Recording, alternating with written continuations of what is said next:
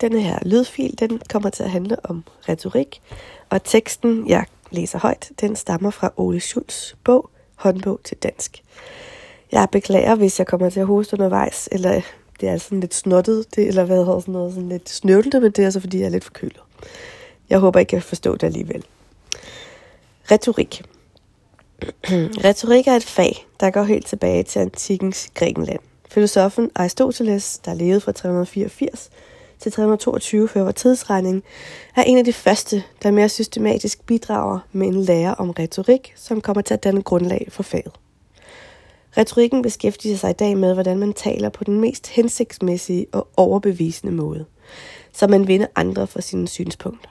Det handler ikke om at overtale andre i betydningen at lokke andre til at overtage ens synspunkter, men netop om at overbevise andre med sin troværdighed, sin klare tale og sine overbeviste argumenter. Selvom retorikken i sin klassiske form først og fremmest har fokus på taler, benyttes den i dag ligeledes til at undersøge, hvor hensigtsmæssigt både tekster og billeder fremfører deres synspunkter. Så har vi en underoverskrift, der hedder Tre talegenrer. Den klassiske retorik opregner tre forskellige talegenrer med hver deres opgave for taleren. Den juridiske tale, der skal påvise en persons skyld eller uskyld.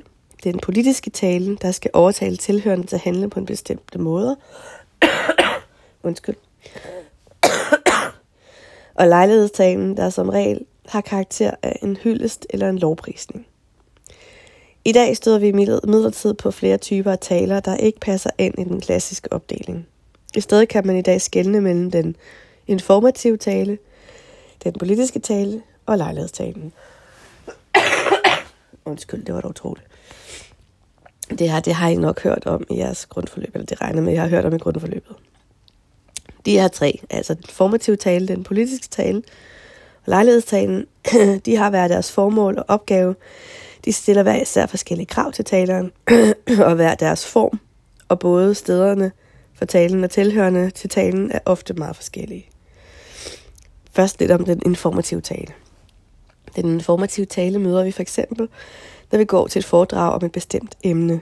Det kan være et foredrag om retorikken i det antikke Grækenland. Formålet med den formative tale er at belyse og forklare et bestemt emne for tilhørende. Det gælder for taleren om at være så præcis i sine forklaringer som muligt og have dokumentationen i orden og et tilstrækkeligt overblik over emnet. Den politiske tale kan selvfølgelig være politikernes tale på et vælgermøde, men det kan også være den tale, vi selv holder, når vi forsøger at overbevise andre om, at vi har ret i en bestemt synspunkt, for eksempel at rygning er usundt. Formålet med den politiske tale er først og fremmest at vinde tilslutning til sine synspunkter og få tilhørende til at ændre deres holdninger. Det kræver, at man fremstår troværdigt, og at man er skarp og klar i sin argumentation. Lejlighedstalen handler om værdier. Den har som regel til formål at mindes eller hylde bestemte personer, institutioner, begivenheder eller idéer, der ifølge taleren og modtagerne repræsenterer vigtige værdier, og samtidig lægge afstand til andre værdier.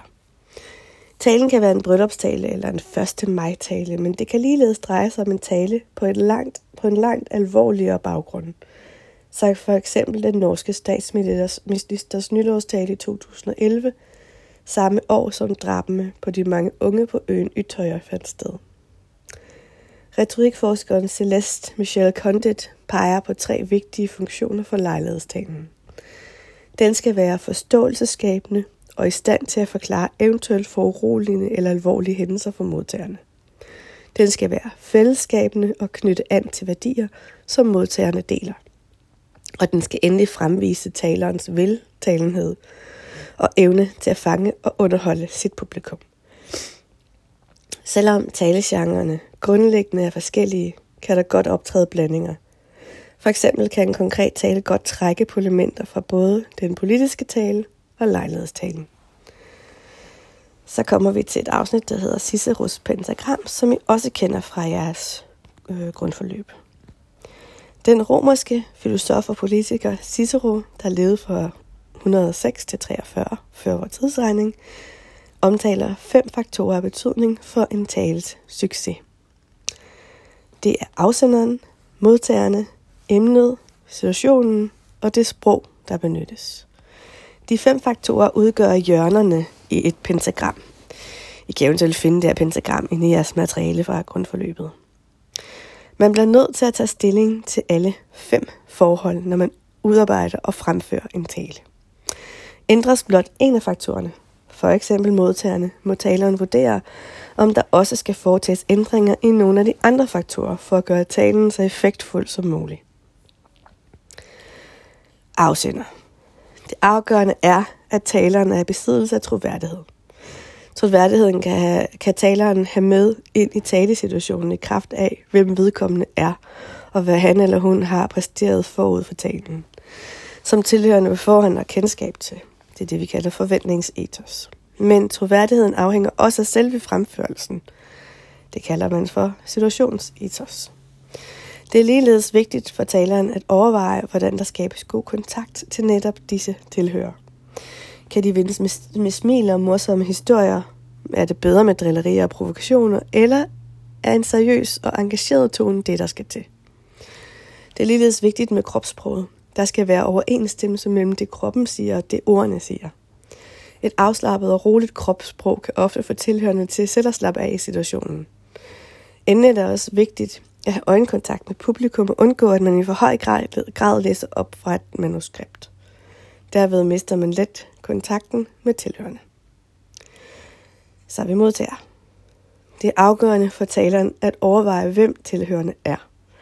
Er der stor forskel mellem taler og tilhørende med hensyn til køn, nationalitet, status, etnicitet eller andre ting?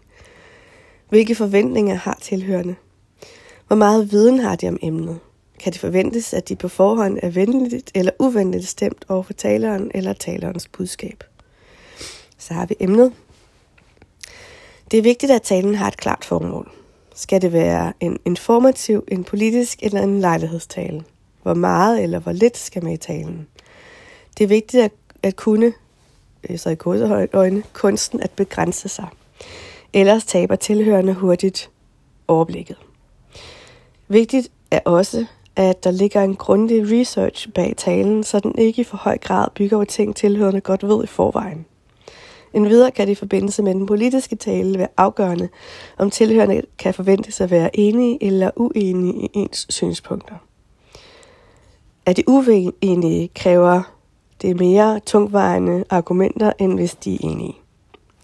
Endelig kan det også være tale om, at hvis emner er meget tabubelagt for nogle grupper, her kræver det stor påpasselighed, så man undgår at tilhørende går i baglås, eller helt afviser det, man vil tale om. så har vi det, vi kalder for situation. Talen skal foregå i en bestemt situation, som taleren må afstemme sin tale efter. Man taler om den retoriske situation og peger dermed på den situation, taleren og publikum samles om. Er der et særligt påtrængende problem, som talen kredser om og søger løsninger på? Er der nogle særlige omstændigheder, noget der er gået forud for talen, som taleren vil forholde sig til, og som modtagerne forventer, at taleren behandler i teksten? Det er ligeledes vigtigt at afstemme talen efter en række praktiske og mere jordnære forhold. For eksempel om der er tales til mange eller få tilhørere, eller om det er en mere eller mindre officiel sammenhæng. Så er der sproget. Det er vigtigt at tilpasse sproget til sagen og indholdet på den ene undskyld om igen. Det er vigtigt at tilpasse sproget til sagen og indholdet på den ene side, og til situationen og tilhørende på den anden. Med hensyn til sagen er det selvfølgelig afgørende, om det er en politisk tale eller en lejlighedstale. Om det er en tale, der kræver logisk bevisførelse eller i højere grad skal bevæge, sig, bevæge og underholde publikum. Sproget må egne sig til indholdet. Skal talen for eksempel formidle en kompliceret problemstilling af videnskabelig art, kan fagord eller fremmedord være nødvendige, men sproget må ikke blive mere kompliceret end nødvendigt. Sproget må, det, må desuden tilpasse situationen. Er det en uofficiel sammenhæng, kan en tale præget af talesprogets levende og umiddelbare form måske, er, måske være at foretrække, selvom det er vigtigt at undgå talesprogets mangel på struktur og værste unoder i form af for mange ører eller hvad var det nu, jeg ville sige? Er det en mere officiel sammenhæng, talen skal holdes i? Kræver talen ofte en mere klar struktur, og sproget kan dermed fordel udnytte skriftsprogets større præcision. Talen må gerne benytte sproglige billeder og sproglige figurer rammende bemærkninger, men afpasset efter situationen, og uden at det går hen og bliver overdrevet og kunstigt.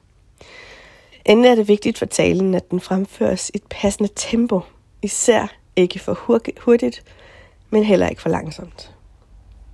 Så har vi en lille grå boks, øh, der handler om nogle øh, sproglige dyder, som den klassiske retorik fremhæver. Dem har I, som jeg husker det, også haft i grundforløbet, men de kan vist godt lige trænge til at lige blive gentaget. Der kommer først det latinske ord, og så kommer der forklaringen bagefter. Det første sproglige dyd, den hedder aptum. Sproget skal være passende afstemt efter indholdet, situationen og modtagerne. Så har vi puritas. Sproget skal være rent, det vil sige fonetisk og grammatisk korrekt. Perspicuitas, tror jeg nok, man udtaler det. Sproget skal være gennemskueligt, undgå fyldord, tvetydige ord, vanskelige ord eller upræcist ordvalg. Så har vi ornatus. Sproget må gerne være fængende og benytte sig af sproglige billeder og sproglige figurer og interessante ord og udtryk. Evidentia. Sproget skal anskueliggøre. Der skal bruges korrekte og levende eksempler, som vækker tilhørendes følelser og gør, at de kan se det for sig, som om de selv var til stede. Så kommer vi til et afsnit, der handler om disposition. En tale eller tekst, der ønsker at vinde modtagerens tilslutning til nogle synspunkter, skal være godt disponeret. Den følgende disposition bygger i sit udgangspunkt især på den politiske og den juridiske tale. Der har vi en indledning, som man også kalder exordium. Ifølge den klassiske retorik bør en tale starte med en indledning, der forsøger at fange tilhørendes opmærksomhed og skabe sympati for den sag, man vil fremstille. Talen kan fx starte med en aktuel oplevelse eller en anekdote. Den kan ligeledes søge forankring i selve situationen, eventuelt ved at omtale lokale forhold eller ved at henvende sig til publikum. Indledningen kan desuden indeholde en oversigt over, hvad der vil komme i talen. Efter indledningen har vi midterdelen, som bliver kaldt for corpus. Talens midterdel er den vigtigste. Den indeholder to dele. For det første en sagsfremlæggelse, det vi også kalder narratio, hvor man fortæller om sagen og forklarer baggrunden for den. Her gælder det for taleren om at levende gøre sagen og gøre den nærværende for publikum med konkrete og måske endda personlige eksempler. Det nærværende er nemlig ofte det mest overbevisende. For det andet indeholder midterdelen en argumentation, det vi kalder argumentatio, hvor man argumenterer for sin sag på en måde, på den måde, at man først fremlægger sine egne argumenter, og dernæst behandler og gendriver modpartens argumenter. Argumentationen kan desuden benytte sig af forskellige appelformer, som vi skal høre om lidt senere. Så har vi til sidst afslutningen, som man også kalder for peroratio. Undskyld. Beklager. Undskyld. Altså afslutning. Endelig skal talen have en afslutning, der skal konkludere og sikre, at det står lysende klart for tilhørende, hvad man vil, hvad man vil med talen.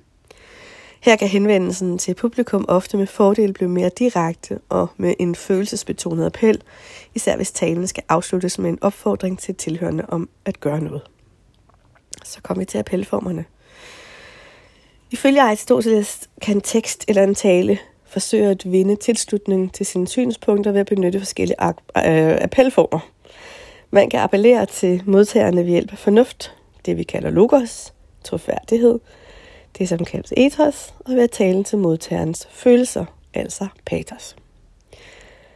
Lidt om logos. Når afsender bruger logos for at vinde tilslutning til sine synspunkter, appellerer han eller hun til modtagerens fornuft og logiske sans.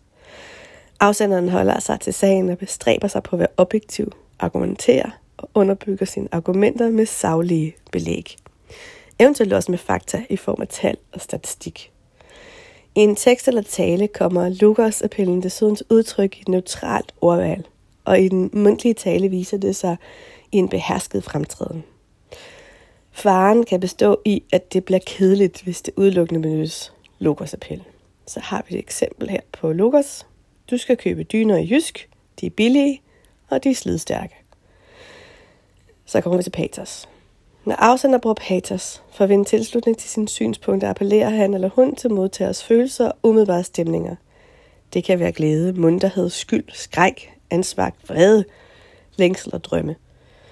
I en tekst eller tale kommer patos til udtryk i et tydeligt engagement. i mange værdiladede ord og brugende sproglige billeder og figurer. Og eksemplet hedder, du skal købe dyner i jysk, du vil elske dem. Jeg bliver nødt til at hoste igen. Beklager. Nå. Ethos, vi er ved at være der.